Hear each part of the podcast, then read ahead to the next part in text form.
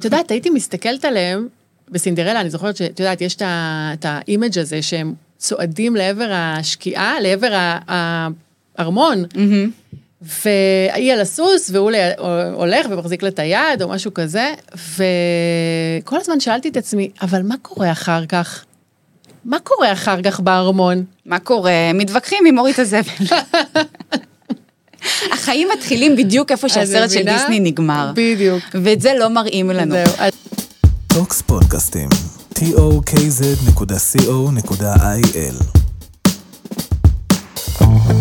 ג'וסי טוק, עם ריי שגב. היי, אני ריי, ואנחנו כאן בג'וסי טוק, ואיתי באולפן, משי היד, עורכת אולפן ynet, מגישת אה, מבזקי החדשות הטובות בערוץ המדע והסביבה, נכון? נכון. בוויינט. נכון. ומלכת הפודקאסט, אה, אחד האהובים עליי, שאני ממש מחכה לעונה נוספת, של אבק כפיות. זה פודקאסט שלם שמתעסק בנסיכות ודיסני ואגדות ועולם קסום ומופלא, אה, ובזכותו. אני התחלתי איתך בעצם. נכון, הכרנו בזכות אבק כפיות, שזה עוד אחד מהדברים הטובים שהפודקאסט הזה... קורה לך הרבה? אה, כן, הרבה אנשים כותבים לי וככה חברויות נוצרות, אבל לא כמו שלנו. היה בינינו איזה קסם, כן. אני... אני חושבת שאני ואת בכלל זה סיפור דיסני בפני עצמו. נכון. זה איכשהו עובד ככה, הכל קורה, הקסם קורה. אה, טינקרבל פיזרה עלינו את. האבק כפיות שלנו. אז אני ממש, אה, כמעט, אני חושבת שהאזנתי לכל הפרקים, ולמדתי המון.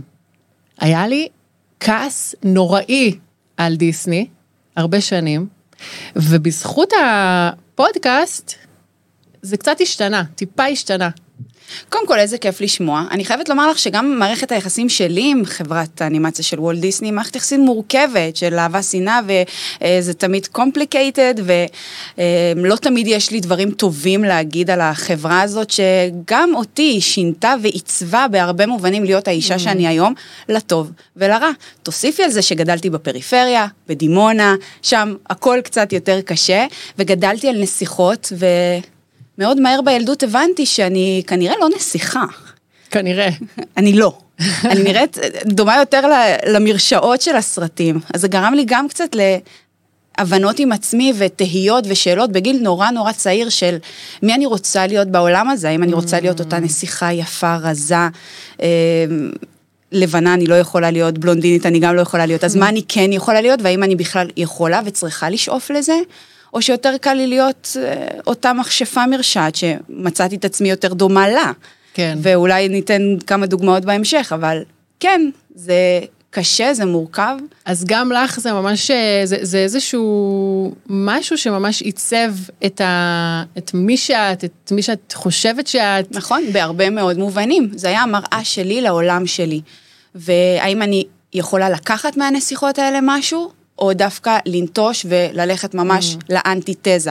כלומר, אם תקחי את התזה המוכרת אולי של חווה מול אה, אה, מריה הבתולה, שחווה הייתה אותה אישה פתיינית שבסוף אכלה מהתפוח, והאישה שבסוף כן קיימה יחסי מין מול מריה הבתולה אמו של ישו, כן. שהיא כאילו חזות הטוהר והתמימות וה, אה, אה, והבתולין, mm-hmm. שבהרבה מובנים נסיכות דיסני מסמלות את אותה מריה נכון, הבתולה. במיוחד אה, מהתקופה הקלאסית. נכון, וגם כמעט מכל התקופות, אני יכולה להגיד לך כל נסיכות דיסני הן בתולות, בתולות זכות ותמימות.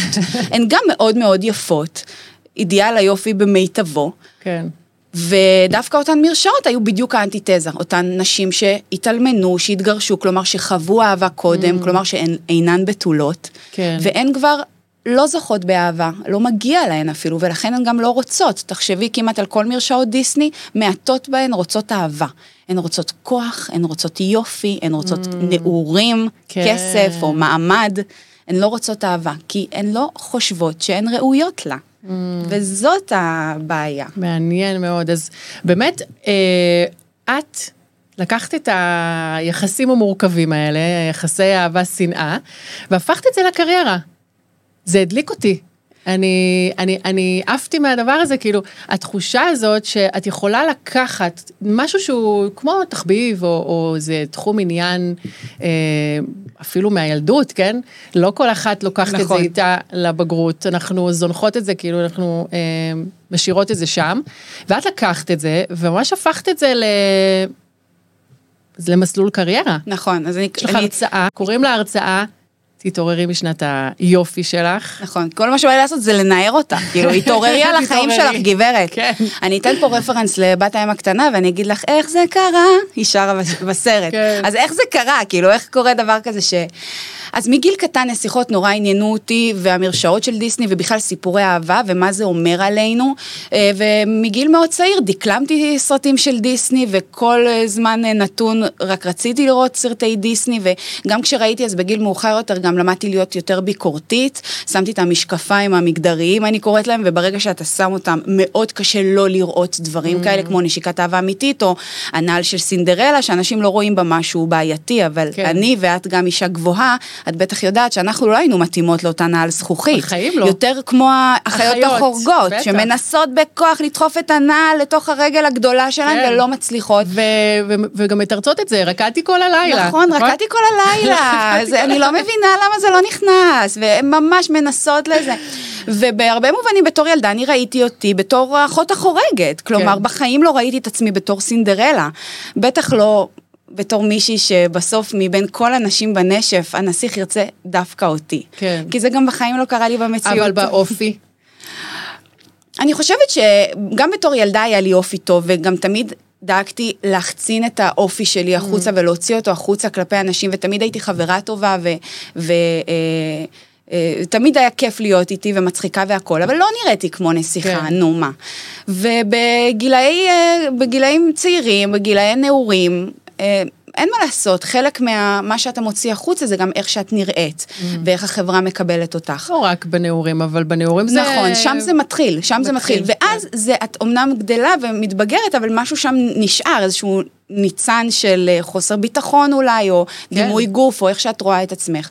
וכשהגעתי לאקדמיה לימים, אז אה, למדתי בתואר הראשון שלי בירושלים אה, היסטוריה ותקשורת, ואיכשהו שילבתי, ושילבתי בין שני הנושאים האלה, וגיליתי שכל עבודה אקדמית שאני עושה, איכשהו נוגעת לדיסני. בין אם זה ההיסטוריה של דיסני, ובין אם זה דיסני כאמצעי תקשורת, ובין אם זה תמורות כלכליות או שינויים חברתיים, אה, ופתאום הפמיניזם בדיסני, ושינויים אה, או כל מיני תהליכים אבולוציוניים שהנסיכה עוברת. ואת התואר השני שלי, שכבר עשיתי באוניברסיטת תל אביב, אז בחרתי בלימודי מגדר ונשים, כי כבר ידעתי שאני מכוונת אה, להתעסק רק בדיסני, וזה הפך להיות פשוט כל עולמי. והתחלתי לכתוב ביום בהיסטוריה בפייסבוק, והתחלתי לכתוב רק על דיסני, ואז פשוט אה, אנשים הציעו לי לבוא להרצות על זה, ושם לפני כמשהו כמו אה, שבע שנים, שבע, שמונה שנים כבר, אמרתי, טוב, יאללה, בואי נראה מה יש לנושא הזה להציע לעולם. אז היית ממש ילדונת, היית בת איזה 20 וקצת כשהתחלת נכון, אני רוצה להגיד, אני להרצות עדיין. ילדונת, סתם. לא, את גם, אני לא, לא, לא. אומרת, אני, אני מסכימה איתך לגמרי, התחלתי בגיל יחסית. צעיר. כן. אני פשוט סתם עוברת עכשיו עניין עם הגיל שלי, כן. אני עוד אוטוטו אחגוג 31, ואני- אז אני יודעת, זה גם ש- דיבור על, מי אני עכשיו בעולם הזה, ב- בתור אה, אישה בת 31, ומה אני יכולה לתת כבר להציע על דיסני שהעולם עוד לא שמע או ראה. כן, עובדה, אה, עובדה. כן. ועכשיו יצא ברבי, אני חושבת שזה מאוד מאוד רלוונטי, דיברת על התמורות הכלכליות, אז אני, אחרי שהאזנתי לפודקאסט שלך, פתאום ראיתי את כל המהלך הזה שברבי עושים עכשיו בצורה אחרת לגמרי, כי את מדברת המון על הקטע הכלכלי של דיסני. נכון. אני חושבת שמרצ'נדייז הוא אחד מהכלים המרכזיים שיש לכל חברה גדולה הי- היום, בייחוד בעידן הרשתות החברתיות, ובדיסני לקחו את זה צעד קדימה, והם באמת במרצ'נדייז של דיסני שולטים לנו כמעט בכל החושים, החל מבובות, שעונים. אגב, המרצ'נדייז הראשון של דיסני היה שעונים של מיקי מאוס, של אותה דמות שהגיעה אלינו הייתה לי, ברור. ב-1928, ו... היה לי שעון כזה. כן, בבקשה, לכל ילד היה, אז התחיל אה, עוד אז אי, אי שם בשנות ה-30 של המאה הקודמת, וזה וזה באמת היה אולי המרצ'נדייז הראשון של דיסני, ו- וכל השאר מאז היסטוריה. אז אם ניקח את העולם הזה של מרצ'נדייז ואיך הוא משתלט עלינו, וגם, בואי, זה גם קהל שבוי, כי בסוף ילדים, כשהם רואים מרצ'נדייז, מאוד קשה להגיד להם לא. ובכלל, כן. יש על זה עכשיו, אנחנו יכולים רק, רק על זה לדבר שעה, רק על המונחים החברתיים והפסיכולוגיים של מה מרצ'נדייז עושה לנו בתור Mm. צרכנים, בטח בתור ילדים. אז כשברבי אה, הגיחה לעולמנו, זה היה מרצ'נדייז מטורף, כי כל ילדה רצתה ברבי, וכל ילדה רצתה להיות ברבי. נכון. ואז כשברבי, אז כשהיא הגיעה, היא הייתה אותה בלונדינית יפה, צעירה, רזה, מאוד מאוד דומה לנסיכות הקלאסיות של נכון, דיסני. והיום. יש וגם היו הרבה ברביות, ברביות נכון, של נסיכות. נכון, היו הרבה ברביות של נסיכות, והיום יש ברביות מדעניות ואסטרונאוטיות ועורכות דין ורופאות. נכון, כ- כאות- ועל כיסא גלגלים. כאות עור ופלייסס וכיסא, הכל, יש הכל כן. מהכל. אבל השינוי הזה, לקח לו המון המון זמן להגיע. כמו השינוי בדיסני, שגם השינוי בדיסני שאנחנו רואים על המסך היום, שאנחנו רואים נשים עוצמתיות על, ה, אה, על המסכים. כן. ואולי כאלה שלא זקוקות לאף גבר, כמו אלזה סטייל ומרידה. אה, ומואנה ומירבל, שזה לאו דווקא סיפור שמתמקד באותו מפגש מקרי עם נסיך יפה תואר שיציל את כן. חייך, כי ברור שחייך אומללים ועלובים בלעדיו, כן? אז, אה, אז דיסני מראה לנו משהו אחר, אבל גם לזה לקח המון זמן להגיע. נכון. אז כששואלים אותי, אז מה קורה? אז מה, דיסני באמת אכפת לה מפמיניזם וזה? אז התשובה היא, לצערי, לא, אבל זה, זה סוג של מסחרי. שינוי חברתי, שבסוף דיסני חברה קפיטליסטית, כן. והמטרה שלה זה להרוויח כסף. וברגע שהיא ראתה שהעולם הולך לכיוון הזה של אולי יותר שוויון ופלואידיות מגדרית, אז היא ככה מנ- מנווטת לה בתוך הים הטרוף הזה, כי כן. יש גם... ידוע שיש גם uh, קהילות יותר שמרניות בארצות הברית, אז מאוד קשה לנווט בתוך הים הסוער הזה האמריקאי, mm. uh, בטח כשיוצאים לכל העולם. אז בעצם, אה, סתם, אני מדברת עכשיו נגיד על ברבי, שזה באמת, את יודעת, זה, זה הכי הקלישאה של אידיאל היופי, אין יותר מזה, נכון. ולא היה להם תוכן, זאת אומרת, היה להם רק את הבובה. זה לא כמו דיסני, שבעצם היה להם את המרצ'נדייז, אבל גם היה המון תוכן. נכון. סרטים שיוצאים לקולנוע ואנחנו, או, או לטלוויזיה. והיום ברבי בעצם הבינו במטל, איך זה נקרא? מטל החברה שלהם? לא יודעת, כן. חברה, זה נקרא, החברה הגדולה, כן, כן, כן. אה, שהם רוצים לייצר תוכן לברבי. מאוד מעניין הקטע הזה, של באמת לה, להבין את המהלך הזה שהם עשו. כאילו, ועוד איזה הם לא תוכן? מצליחים, אה, הם לא מצליחים למכור בובות. תראי, תמיד יש ups and downs בעולם הזה של מרצ'נדייז וחברות ואיזה משהו שיווקי חדש שאתה מכניס. Mm. אה, זה כמו שתיקחי מותג שהוא שנים אותו מותג, כמו במבה לצורך העניין, אז היום יש לך במבה נוגת ובמבה במילוי אחר כן. ובמבה בצורות אחרות וזה, אבל זה אותו מוצר. כן. אז אותו דבר עם ברבי, יש ups and downs כאלה לאורך השנים, בסוף 100 שנה זה זה מותג שאין היום מישהו שלא מכיר ברבי, גם מי שלא גדל על זה, ו, וזה מותג שהוא תמיד... הרגשה כך שהוא תמיד יהיה איתנו. אז כשמנסים לפרוץ את הגבולות שלו כדי להכניס עוד כסף, ועל הדרך שמים לנגד העיניים שלנו כצרכנים מסרים שהם כל כך חשובים ושונים לחלוטין ממה שהמסר שגדלנו. המקורי היה, שאנחנו כן. גדלנו עליהם, בעיניי זה mind blowing, כאילו לא פחות מזה. וכשאני צפיתי? כן. בסרט, אז אני חייבת לומר שאני הרגשתי שגם משי הילדה מתחברת לסרט הזה, וגם משי הלא ילדה כבר. כלומר, יש אה, הרבה... פעמים שיש את הסרט ואת יכולה לראות את המסרים דרכו בשני מישורים. ואני ראיתי את שני המישורים האלה שהם מקבילים גם, כלומר הם מעולם, לעולם לא ייפגשו, אבל הם הולכים יחד יד ביד לאורך הסרט. ככה שגם ילדים ייהנו ממנו ויסיקו את המסקנות, או ה-drop the mic יקרה, וגם פתאום זה יקרה גם למבוגרים. ובהתחלה אני זוכרת שגם הרמתי גבה, אמרתי, רגע, מה קורה עם הסרט הזה? זה לא משהו שאתה מצפה לראות בקולנוע. אחר כך אתה מבין שכמות הפרודיה שם היא כל כך רצינית, זה סרט פרודי, סאטירי לכל דבר, והוא נוגע גם בהרבה דברים שבברבי לא נגעו בעבר, שזה בדמות של קן. כי כל הזמן דיברו על ברבי, ומה ברבי בעולם הזה, ופתאום מסתכלים גם על קן ושמים לב, רגע, הוא יכול להיות להתפספס בדרך, כן. גם בתור uh, דמות גברית וגם בתור מה שגבר חושב שהוא צריך להיות בעולם הזה. האם הוא צריך להיות אותו מאצ'ו, וגם פה אני יכולה לקחת את זה לרפרנסים של דיסני. כלומר, האם הגבר צריך להיות מאצ'ו, אחד כזה שתמיד נסיך. נראה טוב, תמיד זה, אביר. תמיד פה בשביל האישה שלו, תמיד גברי כזה, אממ. לבוש כמו שצריך, לא מביע רגשות, לא כועס, לא פוחד, לא שמח מדי, כלומר, תמיד הקן המושלם הזה עם הקוביות בבטן, הבלונדיני, העיניים הכחולות, ומהבחינה הזאת ריאן גוסלינג עושה עבודה מטורפת שם, ברמה כן. של משחק מדהים, שגם מחדדת את ההבנה שלנו שאותו סדר פטריארכלי בסוף לא פוגע רק בנו, הוא פוגע גם בגברים שמולנו, בגברים שהם המשפחה שלנו, בני הזוג שלנו, חברים, קולגות. כן. נכון, אז- אבל אף פעם לא מדברים על זה, את יודעת, אה, במשך השנים עשיתי המון הרצאות אה, בבתי ספר, ו, ואני זוכרת שממש לא רציתי להרצות אה, בפני בנים, כי הרגשתי שהם לא מוכנים בכלל לשמוע, והם רק מפריעים לבנות, ותמיד ביקשתי ש, שזה יהיה הרצאה לבנות, לנערות, כאילו, ו, ואני חושבת ש...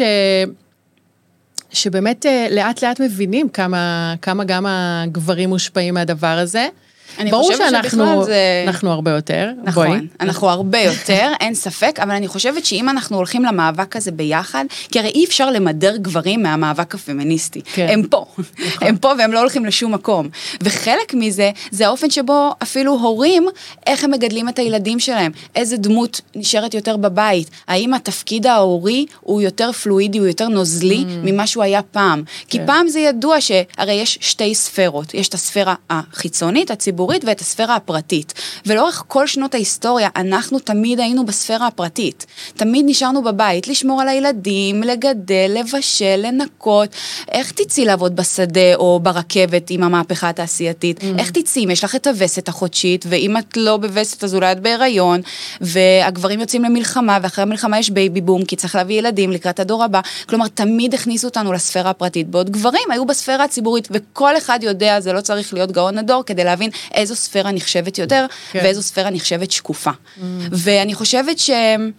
במאבק הפמיניסטי בגל השני שלו, שהתחיל בשנות ה-60 של המאה הקודמת, נשים אמרו, לא רוצות להיכנס לתוך ארבעה קירות, רוצות לצאת מהספירה הפרטית, רוצות גם, כן. גם לפרוץ החוצה. אז אני בטוחה שזה גם עניין של, זה, זה הרבה עניין של חינוך, חינוך כן. והסללה, הסללה בטח. חברתית. בטח.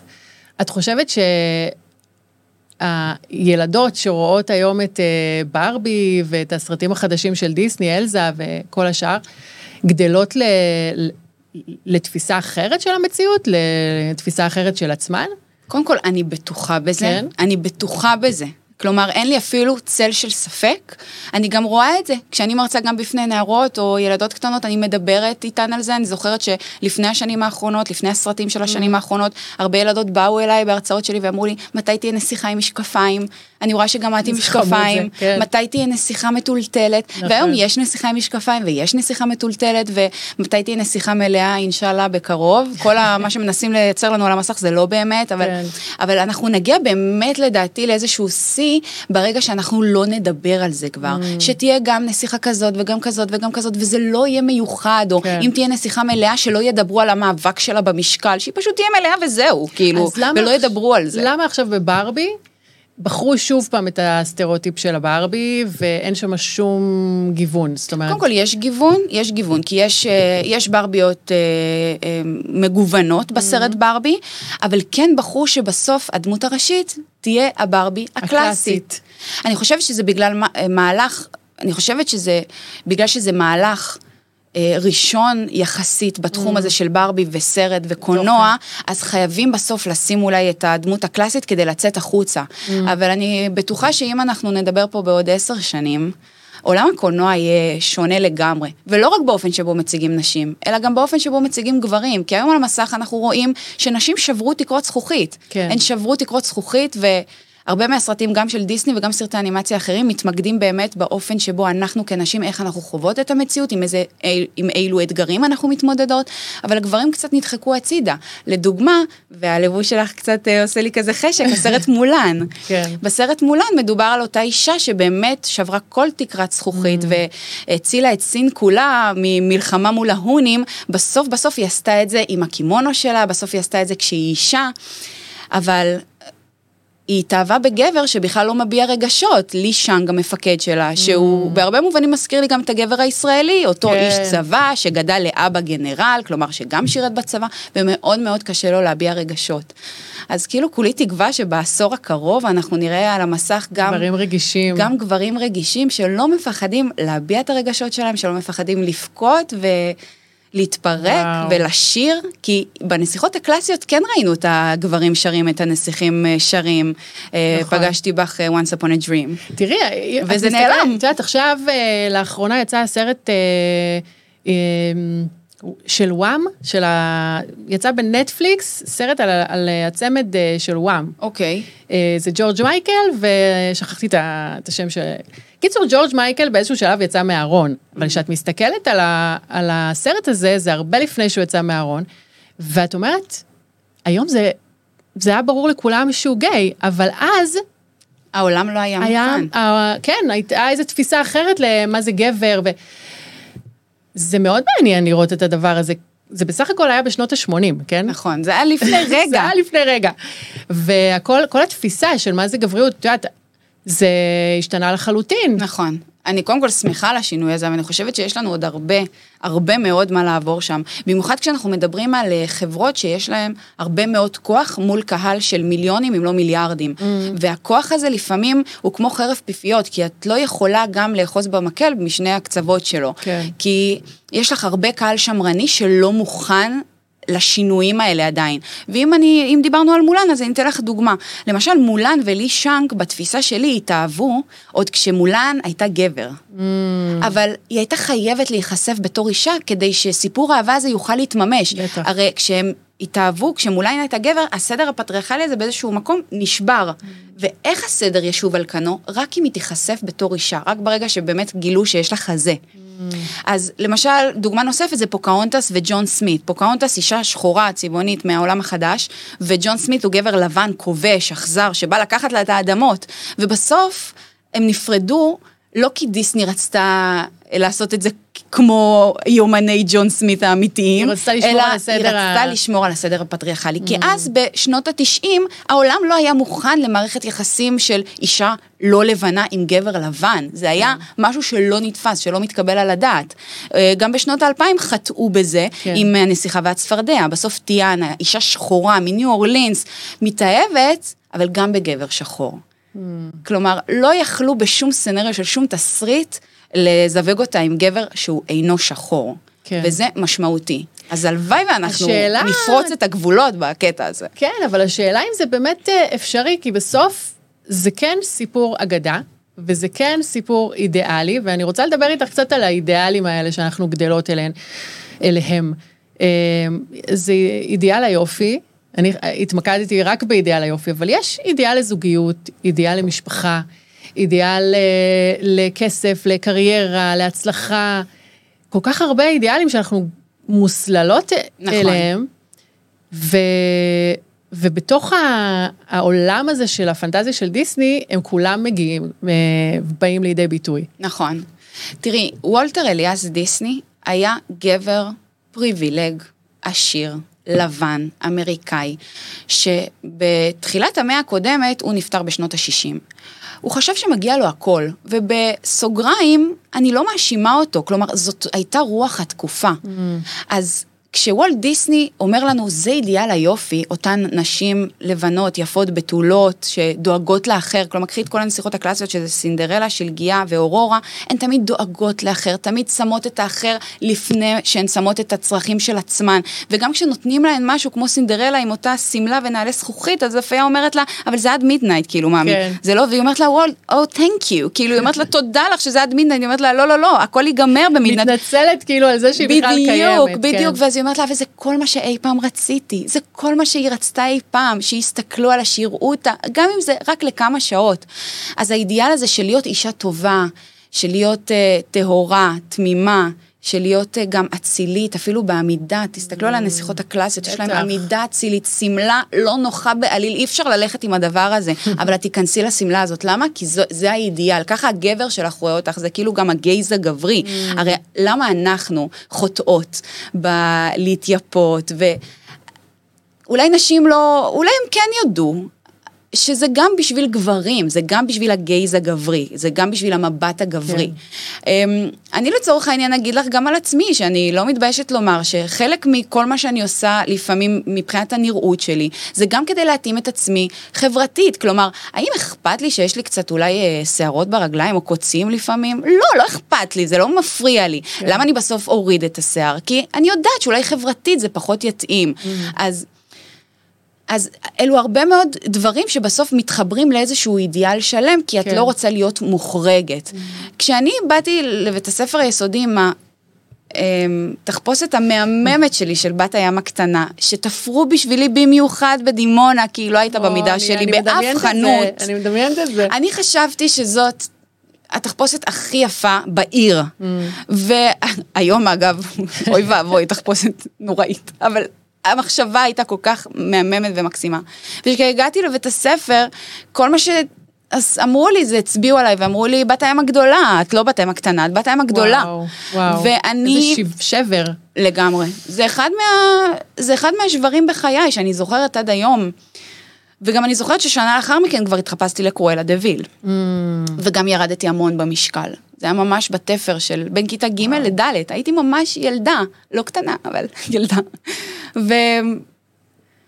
ואמרתי, כאילו, בת הים הקטנה אני לא אהיה, אני לא נכנסת לתוך האידיאל המאוד כן. קטן וקובייתי הזה mm. של נסיכה. כן. אז אני חייבת להיות קרואלה. ואני ראיתי בקרואלה דברים מדהימים, כן? אישה עצמאית, חותרת תחת הפטריארכיה, לימים הייתי. לא... שכנעת את עצמך. כן, לא, כן, לא, לא, אף גבר לא אומר לה מה לעשות. Mm. ההפך, יש איזה שני בנים שעושים כל מה שהיא אומרת. כן. מאוד אהבתי את העוצמה שלה. וגם אהבתי כלבים, אז כאילו, כן היה לי בעיה. אבל שוב, זה כמו הקווים המקבילים, שהם כאילו לעולם לא ייפגשו, כן. אז לקחתי איזה קו אז מקביל. אז בעצם כל העיסוק שלך בנסיכות ובדיסני זה קצת כזה, אולי אה, לחיות את הילדות שלך מחדש אולי? לגמרי, גם לחיות את הילדות וגם תיקון. כן. וגם תיקון. אני לא מתיימרת להיות נסיכה היום, למרות שיש היום לא? נסיכות. אנחנו לא יכולות להחליט שאנחנו נסיכות? אנחנו יכולות, אבל אני חושבת שעדיין משהו ב... הסתכלות על נסיכה היום, הוא הסתכלות של מה מגיע לי. וברגע שישנו את הדפוס הזה של האנטיתזה בעיניי, יהיה לי יותר קל. למשל, מישל פוקו, אחד הפילוסופים הגדולים של המאה ה-20, אמר שאיך בימי הביניים ידעו אה, מיהו השפוי? ברגע שהגדירו את המשוגע. Mm. רק ברגע שהגדירו את המשוגע, ידעו בכלל מיהו השפוי. ואני לא רוצה שיגדירו אותי כנסיכה בכך שיגדירו מישהי שהיא אינה נסיכה. Mm. אז אני חושבת שסרטים כמו הרקולס נגיד, ש, ש, ששם הנמסיס הוא, הוא דווקא בן, כן. הדס, ולאו דווקא אותה אישה שצריכה את הנעורים, צריכה את הכוח. היה לי יותר קל להתחבר לסיפורים מהסוג הזה. אני, זה מעניין, אני אה, ממש צפיתי שוב ושוב ושוב ושוב, את יודעת, בסינדרלה, בבת הים הקטנה, ובעיקר, בעיקר בסינדרלה ובת הים הקטנה, שלגיה גם אהבתי. את שלגיה אפילו, לדעתי, אני חייבת לשאול אותך רגע. בקולנוע. מה, מה אהבת בשלגיה? בשלגיה? כן. אה, בעיקר את הבגדים שלה. מהממת. אה, והאמת, תראי, היא לא הייתה בלונדינית. שזה נכון. כבר משהו שכאילו... נכון, שהוא שונה. חיבר אותי אליה, וכמובן שהתחפשתי לשלגיה. הייתה לנו תחפושת שחזרנו עליה שוב ושוב, היינו לפשוט אותה בבית, וסבתא שלי תפרה במיוחד, את יודעת, ממש לפי הצבעים של דיסני. אה, אבל כן, נכון, אין באמת אה, סיבה, חוץ מזה שהן היו נורא נורא תמימות וטובות לב. נכון. לא הייתה לי סיבה לחשוב שיש אה, פה איזושהי השראה. סינדרלה, את יודעת, זה כל הגם, הבגדים. מבחינתי זה השמלה, השמלה, הקסם הזה שקורה עם הפיה ו... ויש את השמלת קריסטלים המדהימה הזאת, היא, היא, היא וואו, בשבילי. את יודעת שהשמלה של סינדרלה, באותה סצנה שבה היא הופכת מלכלוכית לסינדרלה, אז את הסצנה הזאת עם הפייה, וולט דיסני אמר בריאיון שהוא קיים ב-1959, שזאת הסצנה שהוא הכי אהב לאייר אי פעם. באמת סצנה מדהימה. הוא אמר שזאת הסצנה הכי טובה, והבן אדם המציא את מיקי מאוס, כן? כן. והוא אמר שזאת הסצנה שהוא, כי אז מבחינת גם ה... היכולות האנימטוריות, כן. הן היו יכולות שהן mind blowing, זה כאילו- וגם זה כל כך יפה. כן. זה כל כך יפה. פשוט עם אותה נשימה נורא נורא קשה לי, שזה כל מה שהיא רוצה. היא רוצה רק את השמלה, היא רוצה שיראו אותה. וגם שאת יודעת ש... מוכרים לנו שקסמים זה דבר שהוא לגיטימי, כאילו, את יודעת, בסוף אנחנו גדלות לאיזה עולם, נכון, אנחנו מבינות שלא תהיה פה עכשיו פייה שתהפוך אותי לנסיכה, אבל אה, יש איזשהו קונספט כזה, אידיאלי, ש... שאני, אולי של קיצורי דרך, אולי של קסמים, אולי שאת יודעת, שבסוף, כדי שמשהו טוב יקרה, אז אה, צריך נשיקת אהבת אמת. כאילו, את יודעת, אני חושבת שהרבה אנשים אומרים ש... כאילו מדברים הרבה על הקסם של דיסני. הקסם הכי חזק שיש לדיסני הוא אהבה. יותר מפיות טובות, יותר מזה, הוא אהבה. זה הקסם הכי הכי חזק. אבל גם האהבה שיש לנו היום בסרטי דיסני, אני חושבת שהיא אפילו לא רק שהיא לא נופלת, היא בהרבה רמות מעל לאותו סיפור אהבה שראינו בסרטים הקלאסיים של mm. דיסני. כי זה לא גבר שפגשתי עכשיו ב- ביער או על סוס, ופגשתי אותו באמת פעם, פעמיים לפני שהוא בא, נשק אותי והציל לי את החיים, והתחתנתי איתו וחיינו באושר ואושר עד עצם היום הזה. זה הרבה יותר מורכב מזה. כן. ופרוזן הוא למשל דוגמה מצוינת לזה. כי כל הסרט של פרוזן, אנחנו חשבנו שהאהוב של אנה הוא האנס. ואז כשהיא נפגעת והיא חייבת נשיקת אהבה אמיתית, היא הולכת להאנס והיא אומרת לו, נשק אותי, אני צריכה את נשיקת אהבה אמיתית. ובאותו רגע כאילו הייתי שמה פאוז ואומרת, עצרו כולם, כי נראה לכם שבאמת עברו 70 ומשהו שנה ודיסני לא לימדו אותנו כלום על אהבת אמת, ובסוף אהבת האמת שלה הייתה כמובן כריסטוף, שאיתו היא עשתה את כל הסרט, mm. הוא, הוא ליווה אותה והוא הכיר אותה. ואלזה אומרת לה, את לא יכולה to marry someone that you just met. את לא יכולה להתחתן עם מישהו שרק הכרת, זה כבר לא עובד, תתעוררו. עכשיו, הם לא אומרים לנו הצופים להתעורר, הם אומרים גם לעצמם, זה הדרך להגיד לצופים סליחה. כן, סליחה על מה ש... מכים על חטא. בדיוק. הם מבינים שהם זאת עיצבו... ביקורת פנימית על, על האידיאל של זוגיות, של יופי, של כן. הכל. כן. אז אה, כן, זה משנה את הקופסה וזה כזה מרענן. ממש. אה, תראי, אני הכרתי את, אה, את בן זוגי היקר רק לפני שלוש ומשהו שנים, ובמשך השנים אמרתי, אני לא צריכה, את יודעת, נורא ניסיתי ורציתי ו- וחלמתי על אהבה, אבל הבנתי שזה לא קורה, אז את יודעת, כמו שהבנו שאנחנו לא נסיכות האלה, אז בסדר, אה, כנראה שאני אשאר לבד ו... ואני אחיה את חיי כרווקה, וזה בסדר גמור, נהניתי מהחיים שלי, עשיתי את הדברים שאני אוהבת, ו... והכרזתי כזה, אמרתי, "ת- אימא שלי, תקשיבי, אימא, יש סיכוי שהבת שלך תישאר רווקה ואת תצטרכי להתמודד עם זה. איך היא הגיבה? והיה לה קשה עם זה, ברור. אבל... אני כל הכבוד, אני לא מעיזה להגיד את זה לאמא שלי. אבל אה, בסוף, בסוף מה הן רוצות? שאנחנו נהיה מאושרות, לא?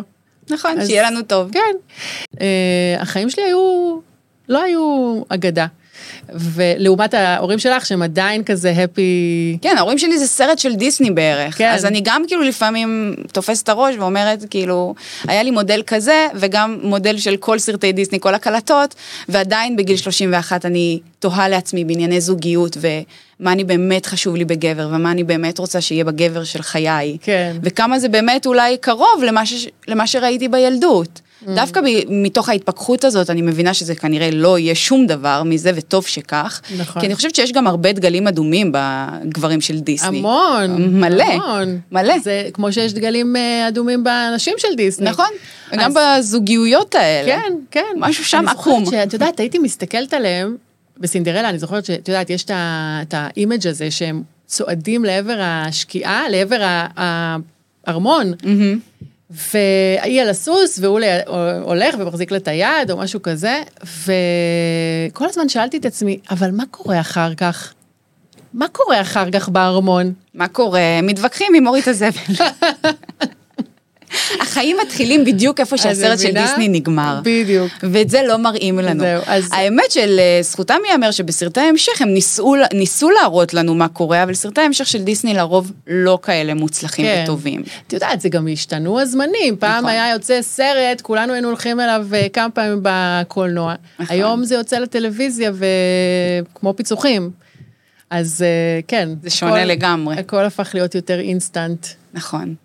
אה, ו- ולכן, אני אומרת, כאילו, היום, בעצם אנחנו, היו לנו, את יודעת, אה, את קצת, את אה, כמה שנים אה, יותר צעירה ממני, אבל עדיין, את יודעת, היו לנו את הקסטות וידאו שהיינו רואות אותם שוב ושוב ושוב ושוב. היום ילדים נכנסים לנטפליקס ובוחרים איזשהו... נכון. אתם זוכרים כן אה, עכשיו. הסרט הוא בסופו הפתעה? אתם זוכרים את אה, זה נכון? נכון, כן.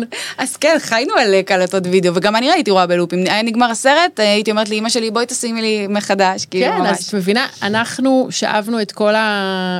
או, או, או את כל הידע שלנו מהסרטים הקבועים האלה שראינו, והיום הם, הם, הם, הם, הם חשופות לכל כך, הר- חשופים לכל כך הרבה תוכן, נכון. שלכי תדעי מה, מה נשאר שם. נכון, זה. אבל אני חייבת לומר שלמרות ש... כמובן, אני שמה בצד זה ש... אה, העולם מתפתח, הטכנולוגיות התפתחו, הסיפורים הם היום הרבה יותר עגולים ופחות שטחיים, וזה לא אישה מכירה גבר שהיא במצוקה, הוא מציל אותה, והם חיו באושר ואושר. זה נכון שהעולם היום הוא הרבה יותר מורכב בקולנוע, אבל עדיין יש איזשהו אידיאל או איזשהו דפוס של אם את לא נשואה, או אם לא הבאת ילדים, אז את פגומה. Mm-hmm. וזה היה בסרטים של דיסני, וזה, יש אותו גם היום. לא משנה כמה מוצלחת את תהיי, אם לא התחתנת ולא הבאת ילדים, את נחשבת באיזשהו מקום פגומה. בייחוד בשיח הישראלי, היהודי, היותר אורתודוקסי, אבל לא רק, לא גם רק. בשיח האירופאי, ובטח באמריקאי, שהוא שיח לא פחות שמרן מאיתנו לפעמים. וגם מולן מדברת על זה, למשל, כשהיא פוגשת את השדכנית שלה בתחילת הסרט, אז אה, היא אחר כך שרה, אה, אולי כלה לא יהיה לעד ולא בת מושלמת, כי את בהכרח בת מושלמת אם את כלה. אם את כלה. וגם פוקהונטס אומרת את זה על קוקוהאם, היא אומרת, האם אני צריכה להתחתן עם קוקוהאם אה, כדי שיהיה לי עתיד בטוח, או שאני צריכה ללכת אחר החלומות שלי? את ארכיון של, אה, של אה, ציטוטים אני, של אני מודה. שה, שהדיסנאים הפרופר עכשיו יגידו שלא דייקתי דייק. בציטוט, אבל הבנתם את, ה, את רוח הדברים. תשמעי, זה, אני חושבת שהתיקון שלך הוא מאוד מעניין, כי את בעצם באה ואת, ואת אומרת, זה פגע בי, נכון, אני, אני אהבתי את זה, זה פגע בי גם, ו, ואני הולכת לחקור את הדבר הזה כדי להבין יותר טוב את, ה, את ההשפעות, הס, לא יודעת, נכון. הפסיכולוגיות, הסוציולוגיות, נכון. התרבותיות של הדבר הזה. אני גם אגיד לך מה העניין, כי אנשים לפעמים, כשהם שואלים אותי, אבל את לא סינדרלה או שלגיה או אורורה, את לא נסיכה ואת לא מעבידים אותך בארמון ואת לא צריכה לנקות את ולקרצף... הנסיכה שלי, הפרטית. חיים. ואת לא צריכה לנקות ולקרצף, ואת לא, כאילו, את לא חיה בתוך הפריטל האכזרי הזה. כן. אז, אבל זה לא זה, זה, המ- זאת המסגרת. למשל, סינדרלה, נכון, אני לא מקרצפת ומנקה, אבל מה היא רואה? היא רואה שכשהיא שמה את השמלה, אז הנסיך רואה אותה. ואז, ומשי בתור ילדה, ולא רק משי, היא עושה את החיבור הזה באופן מיידי בתת מודע שלה, של תתלבשי יפה, אל תהיי לכלוכית, והוא יראה אותך. כן. ואם הוא לא יראה אותך, אז את לא שווה. כי את מי לא רואים? את האחיות החורגות, והן לא זוכות באף נסיך. אין, מס- מסתיים הסרט כשהן לא זוכות באהבה. ולמה לא מגיעה להן אהבה? למה? נכון. כי הן גדולות? כי הן מגושמות? כי הן מרשעות כלפי אחותן הקטנה? עכשיו, אה, לא יודעת, אני גם רבתי עם אחיות שלי כשהייתי ילדה. לא ברמה של אה, הרגשתי שאני מרשעת כלפיהן, אבל כל האידיאל המשפחתי הזה גם, נכון. גם הוא קצת נדפק מדיסני. ומה, איך הוא התאהב בנסיך לפי הנעל? כן. כאילו, הוא לא יודע איך היא נראית לא אפילו. זכר איך היא הוא לא. יש, זוכר. ד- סליחה, יש דבר יותר מעליב מזה. משפיל, מסתובב יום למחרת ברחבי הממלכה, מי זאת עם הנעל מידה 36? מה זה הדבר הזה? מה זה השטות הזאת? הוא אפילו לא זכר איך היא נראית. ומה זה, מה המסר שלנו? שאנחנו צריכות להתאים את עצמנו לתבנית. נכון, ולפעמים את גם לא יכולה. נכון? מידת הנעל שלך היא לא מידת ההיקפים שלך. גם למשל אם בהיקפים את רוצה להיות צרה, אז את הולכת ועושה דיאטה רצחנית, כן. אבל במידת הנעליים את לא יכולה לשנות את זה. את לא. וגם אם אנחנו נעשה דיאטה רצחנית, האם אנחנו נהיה מידה 36? לא. לא. לא.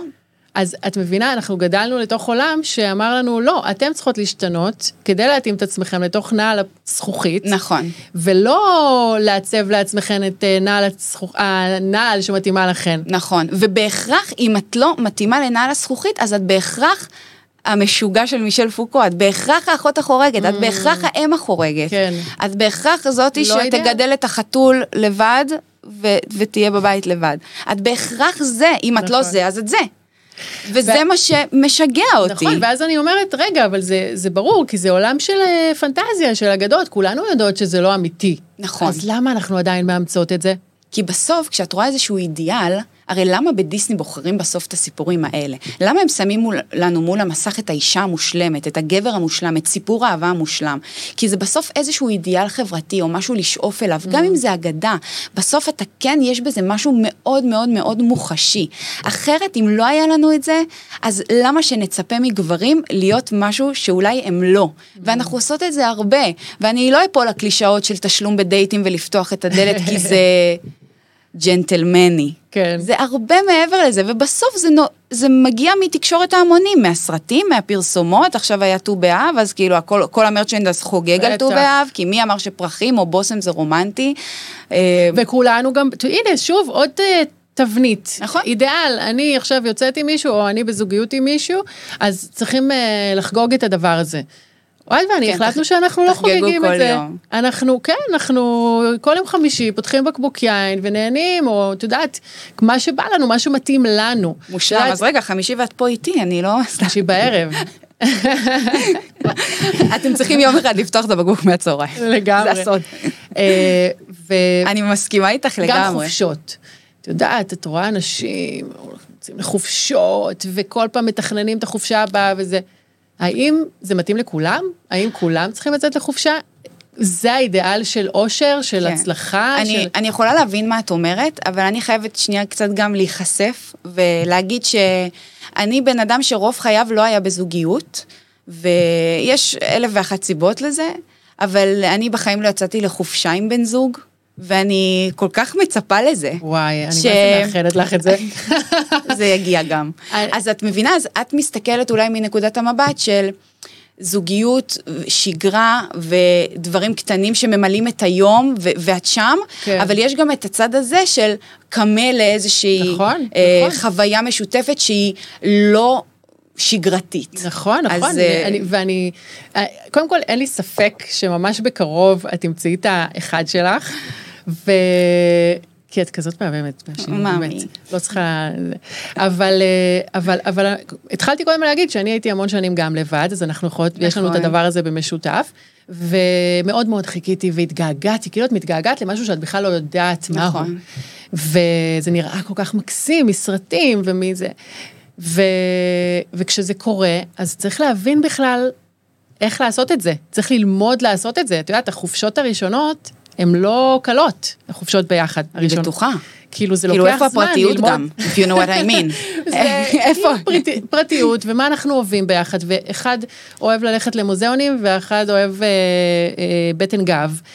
צריך להבין איזה חופשה מתאימה לכל אחד, כמה זמן אנחנו רוצים להיות בחופשה, איך אנחנו מנהלים את הדבר הזה, וזה בכלל, אה, אה, חופשה זה דבר אידיאלי. נכון. אבל זה איזושהי, זה איזשהו מיקרו של מקרו של החיים. אני רואה את זה ככה.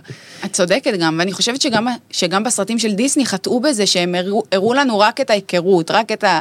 כן. וברגע שהחיים האמיתיים מתחילים, אז יש איזשהו קושי להעביר לקהל יד, בטח ילדים, אבל גם מבוגרים, קושי בלהעביר את המורכבות הזאת של כן, החיים, את כן. המורכבות. ואת יודעת מה? גם את הייחודיות. נכון. שכל אחד שונה. נכון, לא כל אותם אחד שונה. אנשים. הרי מה, מה הסרטים האלה גורמים לנו להבין שהכל אותו דבר, ואז אתה נכון. מגיע למערכת יחסים שלך ואתה לא מבין איפה הייחודיות שלך בתור הדבר כן, הזה, כאילו. כי אתה אומר, רגע, אז כולם עשו עכשיו בטן גב בסיני, אז כאילו, מה, אם אנחנו זוג מוצלח לא נעשה? נכון. אז אה, זה אותו דבר, וגם מפה אפשר לקחת מכל מיני סרטים, בטח של דיסני, את אותן דוגמאות של, רגע, כולם ככה, אז גם אנחנו. כן. כי הרי בסוף, בסרטי הרנסאנס של דיסני, שזה שנות ה... סוף שנות ה-80 עד שנות ה-2000, שזה בת הים הקטנה פוקהונטס. יש הרבה, מולן. אבל אה, כן, בת הים הקטנה, נשים פוקהונטס, קצת יותר מולן. חזקות, קצת יותר, אה, אה, נכון, קצת יותר דעתניות. אופי, דעתניות, יש להן חלומות, שאיפות, וגם הסרטים האלה, מה שהם עושים זה מציבים את הבעיות של הנשים במרכז. כלומר, זה לא סרט שאומר, אין לה, לנשים בעיות בחיים, כן. לא, יש להן, בואו נראה איך אנחנו מתמודדים עם זה. אז בסוף, כל נסיכת רנסאנס, היא הרי זכתה בכל הקופה. היא זכתה גם להגשים את עצמה, גם לפרוץ את תקרת הזכוכית שלה, וגם היא זכתה בגבר, כן? כן. גם מולן, פוקהונטס, בת הים הקטנה, כל אחת מהן רצתה לפרוץ גבולות, רצתה לעשות מה שהיא רוצה, כל אחת מהן אמרה לאבא שלה, אתה לא מחליט עליי, אריאל אמרה לאבא שלה, אתה לא מחליט עליי, פוקהונטס, מולן, כל אחת מהן אמרה, לא אני עושה מה שאני רוצה, כן. הן לא רק שלא הצילו אותן, הן הצילו אחרים, הן הצילו את בני הזוג שלהן, הן הצילו את האומה שלהן, כן, וגם סופר, בסוף סופר הן. זכו גם בנסיך, כאילו כן. כל הקופה הן לקחו. וזה גם משהו שהוא אידיאל, שהוא לפעמים אה, לא מושג. נכון. כאילו החיים הם לא כאלה, לפעמים את לא זוכה בכל הקופה, וגם לפעמים מה זה דברים לא... לפעמים? נכון, החיים- כל הזמן. וגם, בואי, נכון, החיים קשים, צריך להגיד את זה. החיים מורכבים. החיים מורכבים, נכון. הם לא קלים, ואנחנו כאילו, בגלל הפנטזיות האלה של דיסני, שואפות למושלם, שואפות לקל, נכון. ואם שואפות זה לא זה, הזה. אז זה כישלון, אז נכשלתי. בדיוק. בדיוק. עכשיו, מה עשו סרטי שנות האלפיים? הם ניסו ומנסים עד היום קצת לסובב לנו את הדרך הסתכלות על זה. למה? כי יכול להיות שלא תזכי בכל הקופה, Mm. וזה בסדר. ולכן אם תקחי את אנה ואת אלזה, אז אלזה לא זוכה באהבה, ואנה זוכה במרכאות, כי היא לא, היא זה לא בוחרת, זכייה, היא כן, בוחרת. היא בוחרת. תמיד גם יש אה, כל מיני זה, היא לסבית, אלזה לסבית, היא לזי, היא לא זה. אני אומרת שלא תהיה לסבית, fuck it, שתהיה סטרייטית שלא רוצה גבר, שלא נכון. רוצה להתחתן, מה הבעיה עם זה? היא חייבת נכון. להיות לסבית אם היא לא רוצה להתחתן, היא יכולה גם לאהוב גברים ולאהוב את המשפחה שלה יותר. ואיך אמרה אליזבת, המלכה אליזבת הראשונה, אי שם, בעבר, בהיסטוריה הרחוקה, שאלו אותה למה את לא מתחתנת, היא אומרת אני כבר נשואה לאנגליה. אליזבת הראשונה לא התחתנה. הייתה לה אחלה תשובה. נכון, הייתה לה תשובה מושלמת, וזאת בתקופה ההיסטורית שהיו מתחתנים כדי לעשות כן. בריתות, כן? כדי שספרד לא תפלוש עלייך, את צריכה להתחתן עם נסיך ספרד. כן. אז אה, היא הייתה חזקה, איתנה, מול סדר פטריארכלי. נוקשה שאנחנו בכלל לא מבינות. כן. אז היא כאילו, מה שנקרא, בחרה את המלחמות שלה. אז הלכה עם המכוחים, סבלה, אבל גם אמרה, אני, אף גבר לא יגיד לי מה לעשות. Mm.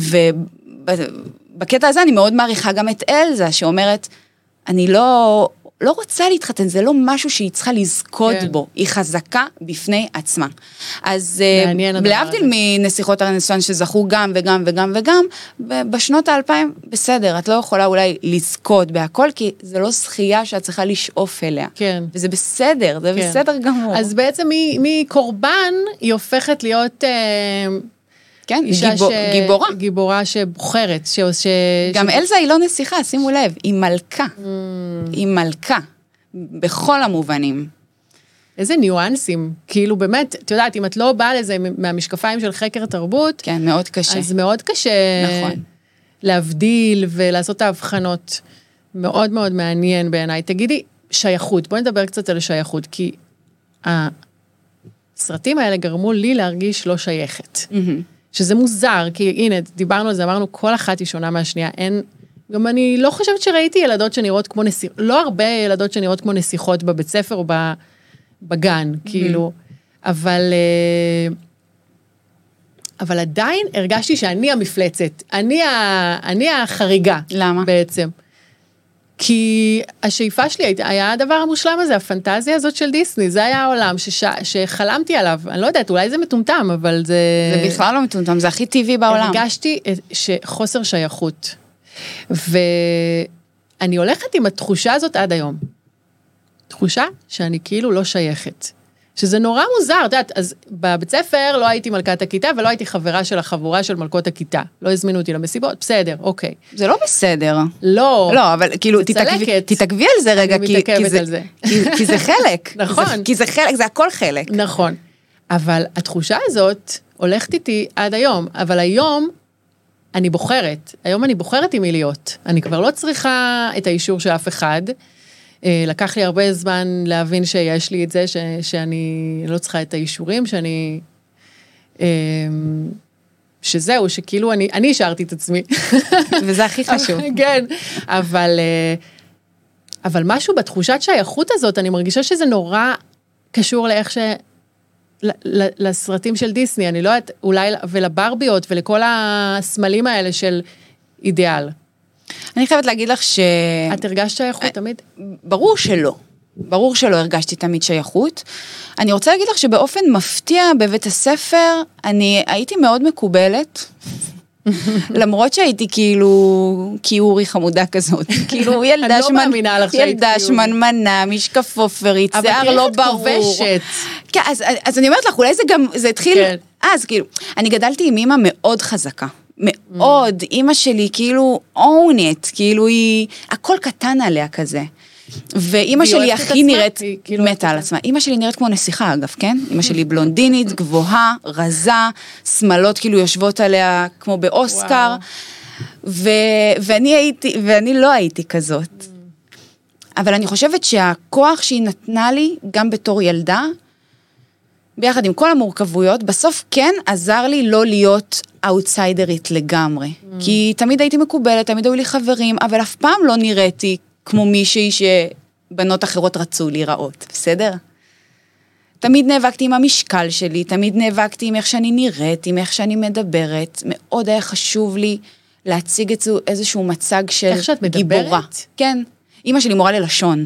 אז, שומעים. אה, יש לך שפה כן, מדהימה. אמא שלי מורה ללשון, אז גם אה, איך שדיברתי, תמיד חשבתי לפני שלא יהיו טעויות, כלומר, תמיד רציתי לחתור לאותו אה, אידיאל מושלם, כלומר, לחתור לשלמות הזאת, כן. ואין, אין, זה לא קיים. אצל נסיכות דיסני זה קיים. הן, מושלמות. כן, וכאילו הייתה לי מושלמות. תחושה אין שאם פגם אני- אחד, את לא נכון. תמצאי פגם אחד. חוץ מזה שהן כלואות במגדל, או ב... יש מלא זה, פגמים, כן. כן. אבל... בתור ילדה את לא רואה אותה. נכון. גם אני נגיד בתור אה, אישה ביקורתית שמבקרת את זה למחייתי, את הסרטים האלה, לפעמים אני גם כאילו מכה על חטא ואני אומרת, די, משי, לא יכול להיות שאין לך שום דבר טוב להגיד על שלגיה, על סינדרלה, על אורורה, ומצאתי בסוף. כן מצאתי, כי בסוף למה שלגיה... היה לך חשוב להביא משהו טוב? כן, למה? כי אני כל הזמן מבקרת אותן על ההחלטות שלהן. וזה נורא נורא קל, גם במאבק הפמיניסטי, לבקר נשים. בטי פרידן כתבה את הספר שלה, אה, המסתורין הנשי, ב-1963, והיא מבקרת שם נשים. היא אומרת... היא אומרת, אין בעיה לבקר גברים לאורך ההיסטוריה. גברים, אתם אשמים בהרבה מה, למצב שאנחנו הגענו אליו. אתם הגברים אשמים, אבל גם אתן, היא אומרת. גם אתן. אשמות. לא יכול להיות שכל מה שאת רוצה, בטי פרידן אומרת, לא יכול להיות שכל מה שאת רוצה זה בעל וילדים. לא יכול להיות. לא יכול להיות שאת לא רוצה שום דבר אחר. כאילו, יכול להיות שיש כאלה שזה מה שהן רוצות, אבל... נכון, אבל, אנחנו לא רק, שונות. לא כן. רק. אז, בשנות ה-60, זה היה... הספר הזה בהרבה מובנים פתח את המאבק הפמיניסטי בגל השני שלו, כי הוא פתח לנשים את העיניים, לא יכול להיות שזה כל מה שאת רוצה. את, את רוצה גם עוד משהו. כן. את רוצה עוד משהו. אז, משהו בשביל עצמך. אז נכון, אז אני באתי ואמרתי, טוב, ביקרת את אה, שלגיה, סינדרלה אורורה, כאילו יש לך טונות של ביקור, ביקורת עליהן, אבל, אבל אפשר להגיד עליהן גם דברים טובים, כי זה לא הכל באשמתן. העולם הזה הוא קשה, הוא אכזר, הוא סופר מאתגר עבור נשים. כן. וזה שאת הצלחת לברוח מהארמון בגלל שהאם החורגת שלך רוצה להיות הכי יפה בעיר ומנסה להרוג אותך ושהצייד ייקח לך את הלב, ואת שרדת את הלילה המשוגע הזה ביער עם חיות ופחד וזה, ובסוף הגעת, מצאת את עצמך בתוך בית עם שבעה גמדים, לא פחדת, השתלטת על הבית, ניקית, נכון, עשית עבודות של הספירה הביתית, ניקית, ושרת בישלת. תוך כדי, פיזמת. נכון, אבל עשית את זה חיובי והשתלטת על. זה, בדיוק, השתלטת על זה. כן. ו... הנה, ו- יודעת מה? זה מה שאהבתי בשלגיה. שהיא מצליחה כאילו להפוך את הלימון ללימונדה, היא רואה את הטוב. בכל את סצנריו. מבינה, והיא עוד שנייה, כאילו, הבחורה לבד בעולם, לבד. בעולם, באמצע היער, אני הייתי מתמוטטת שם, ברור. מתמוטטת, אני רואה כבר את הכותרות בעיתונים, לא שרדה את הלילה, כאילו, ואת, את גם לא יודעת כלום, בחיים לא יוצאת מהארמון, את כל היום בבאר עם המים, ופתאום את כאילו מצילה את עצמך, ואני הרבה שנים פספסתי את זה, פספסתי את, ה- את ה... את היופי הזה ב- ב- בשלגיה, ובכלל כן. בנסיכות הקלאסיות. אפשר למצוא בכל אחת משהו טוב. אז אני גם אומרת, נכון, החיים הם קשים, מאתגרים, אבל את, את יכולה לעשות את זה עם עבודה קשה. כן. ואני אתן לך עוד דוגמה. בפינוקיו, מה דיסני לימד אותנו? When you wish upon a star. רק תביעי משאלה מכוכב והיא תתגשם. בשנות האלפיים, בסרט הנסיכה והצפרדע, אה, טיאנה אומרת לאימא שלה, אני צריכה לעבוד קשה כדי להצליח. אה, החלומות שלי לא יתגשמו אם אני אביע משאלה מכוכב, הם יתגשמו רק דרך עבודה קשה, שזאת גם ביקורת פנימית על החברה. כי אם פעם לימדנו אתכם, שאם תבקשו משאלה מכוכב, אתם תגשימו, אתם טועים, וואו. ואתן טועות במיוחד. וטיאנה, מה שנקרא, יש לה מינוריות כפולה. היא לא רק אישה, היא אישה שחורה. לאישה שחורה בעולם הזה, יש כל כך יותר קושי מאישה לבנה, בטח... ובטח מגבר כן. לבן. אז אה, אם לימדתי אתכם שאם תבקשו משאלה מכוכב, תעבדו קשה חבר'ה, וואו. ואתם בסוף כן תגשימו את החלומות והמשאלות שלכם, אבל לא אם תביעו משאלה מכוכב, ואני מתה על כוכבים. אבל... אני מתה על כוכבים, אני מתה על נסיכות, אני מתה על אה, פנטזיות, על קסמים, על נכון. שמלות אה, שהופכות לדלעת והפוך, ועכברים. כן. את יודעת, כאילו, הכל עובד שם. אני מתה על- על כל הדבר הזה. כשהיית קטנה היו לך חיות?